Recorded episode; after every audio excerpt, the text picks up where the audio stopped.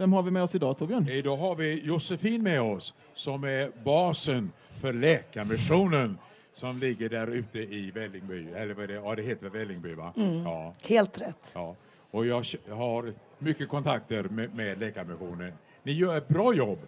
Hur länge har du varit eh, chefen? Generalsekreterare. Ja, Jag tillträdde första maj för drygt ett år sedan. Oh. Så det har varit ett eh, otroligt händelserikt år. Eh, det som har hänt ute i världen det här året är ju att vi har stått inför ganska dramatiska kriser. Vi har haft eh, kuppen i Sudan. Sudan är det landet där vi har störst arbete. Eh, vi har ju även haft inbördeskriget i Etiopien. Vi har haft eh, en förvärrad global klimatkris. Vi har haft en pågående pandemi.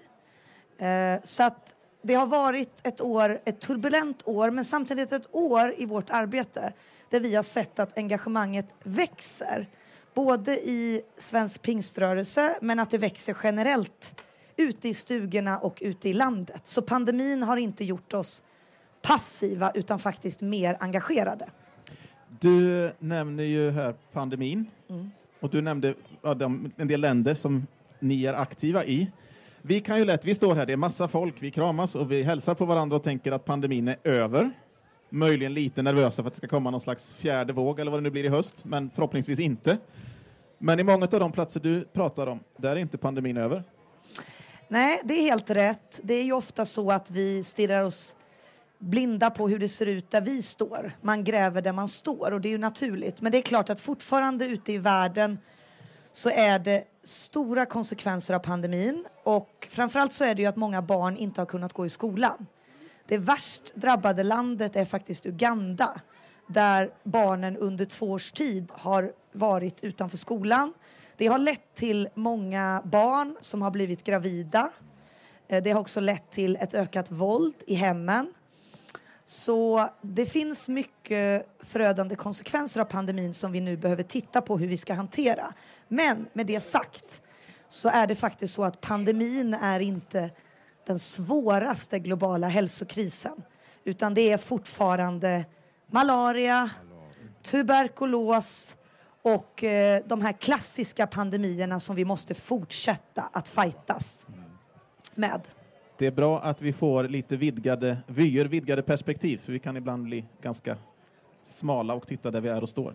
Eh, Läkarmissionen, för den som inte vet, vad är det för någonting? Läkarmissionen är en svensk global stiftelse som startade på sent 50-tal, 1958 och som har en förankring i svensk kyrklighet. Eh, och eh, vi började att jobba med eh, missionssjukvård, hälsovård i Sydafrika. Vi fortsatte på 70-talet att hantera den stora krisen som var i Etiopien. Vi fortsatte på 80 och 90-tal att jobba väldigt fokuserat i Kongo. När jag växte upp på 80-talet så arbetade faktiskt mina föräldrar för Läkarmissionen i östra Kongo eh, med att bygga upp eh, hälsoinfrastrukturen där. Och sen har vi fortsatt att jobba mycket med vatten, eh, inte minst i Sydsudan och Sudan, eh, med analfabetisering i Latinamerika. Och arbetet har utvecklats över tid, men det har alltid byggt på den enskilda människans engagemang och vad det kan göra och skapa för förändring ute i världen. Så vi ser att eh, alla som är här på Nyhem, det engagemanget man har, det spelar väldigt stor roll. Och det är ju det jag får se när jag är ute och reser, att i alla våra projekt så gör det sån enorm skillnad. Och eh, det som jag också tycker är roligt här under den här timmen i Nyhems radio, det är ju att vi har haft med både Urban och Karina Ringbäck eh, och vi har haft med Johannes från PMU och vi har haft med MAF. Och vi är ju ett antal aktörer här på Nyhem som vill att vi ska få ett lite mer globalt perspektiv. Och att vi ska se att med våran tro så behöver vi också eh, öppna oss för världen och se att vårt uppdrag är större än det vi ser här mellan tallarna. Det är rätt. Hur går den resan då? För det är ju en typ av resa eller en förflyttning. Nej, men vi på Läkarmissionen tror ju att ska man få ett vidgat engagemang för världen så behöver man få komma ut, man behöver få se världen, man behöver få bygga relationer. Dels genom att kunna engagera sig i bistånd och missionsarbete. Men idag genom digitaliseringen så kan vi ju faktiskt också utan att flyga möta världen. Både genom alla migranter som kommer till Sverige, inte minst alla nu från Ukraina som har kommit hit, kan vi få insikt i hur det är att leva under krig. Men också genom digitaliseringen där vi faktiskt kan vid vilket ögonblick som helst ringa upp en enskild eh, vän i en systerkyrka i Sydsudan mm. och ha ett kort samtal över Whatsapp. Om vi nu ska vi gå ner till Sverige igen. Om jag säger ett vackert ord som jag ser när jag går på mina promenader i Stockholm så står det Human Bridge. Mm. Vad säger du då? Human Bridge är en jätteviktig organisation som vi driver tillsammans, Läkarmissionen och Erikshjälpen. Och eh, det är vårt samlade materialbestånd.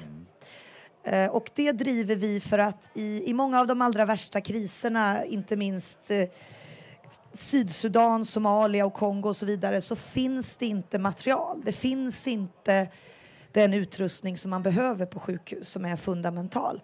Och eh, vi skickar ut ungefär en container i veckan. Nu har vi också haft extra containersändningar till kriget i Ukraina och till särskilda eh, katastrofer som uppstår. Eh, men det är ett otroligt viktigt konkret biståndsarbete som vi kan göra tillsammans med, med Erikshjälpen. Och det som är också roligt är att det visar på den här hållbarhetskedjan som Johannes pratade om. Genom att landstingen, regionerna i Sverige, är med och skänker utrustning så kan svenskar vara med från att skänka material till att vi kan leverera det till att ofta också kyrkor kan nyttja det här inom missionssjukvård. Och då vet ni, när jag tänker på Human Bridge också, eh, hur många städer finns? För när, när, man går i Stockholm så lägger man ju kläderna där. Men hur många städer har ni det i den här som man kan få kläder och ni kan jobba vidare och få pengar för det? Ja, vi har ju de här uppsamlingsställena runt om i landet. Ja, hela, eh, hela landet? Där. Precis, men ja. sen har vi ju också eh, i Holsbybrunn. Ja, Där har vi det. ju vår jättestora anläggning och den kan jag rekommendera om man är nyfiken på det här med Verkligen. recycling, hållbarhet, materialbestånd. Då ska man åka dit och besöka det och få se vad vi tillsammans är med och gör ute i världen. Och det är fantastiskt. Jag har varit där mängder av gånger och jag bara stryker under det du säger. Men om ni vill komma till Vällingby då så kan ni, du har, ni har en väldigt trevlig second hand-butik bakom huvudkontoret.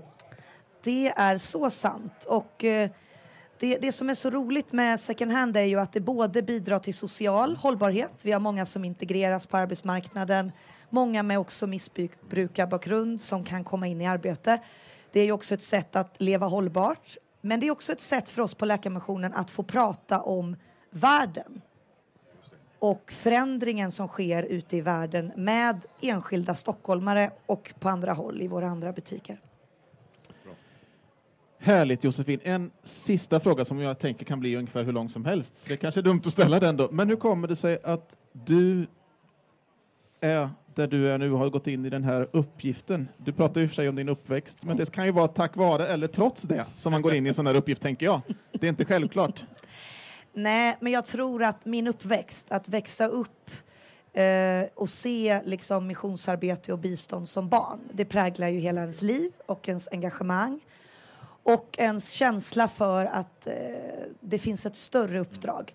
Sen tror jag att varför jag är där jag är är för att jag också ser att eh, vi behöver det som finns runt om i kyrkorna i Sverige, det här med entreprenörskap, engagemanget för den enskilda människan.